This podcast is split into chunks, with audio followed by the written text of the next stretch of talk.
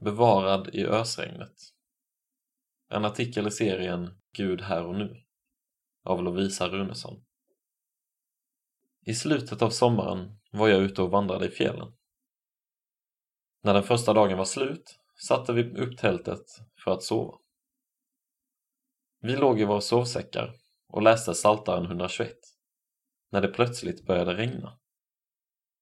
Vi öppnade innertältet, kollade ut i absiden och såg att en pöl började bildas vid ingången. Tältet stod i en liten sluttning, så om pölen skulle bli för stor och svämma över skulle hela vårt innertält bli blött.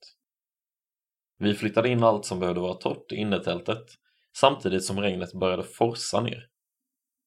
Jag kände mig orolig och kunde inte somna. Så jag läste salmen igen. Och den här gången fastnade jag vid den sista versen.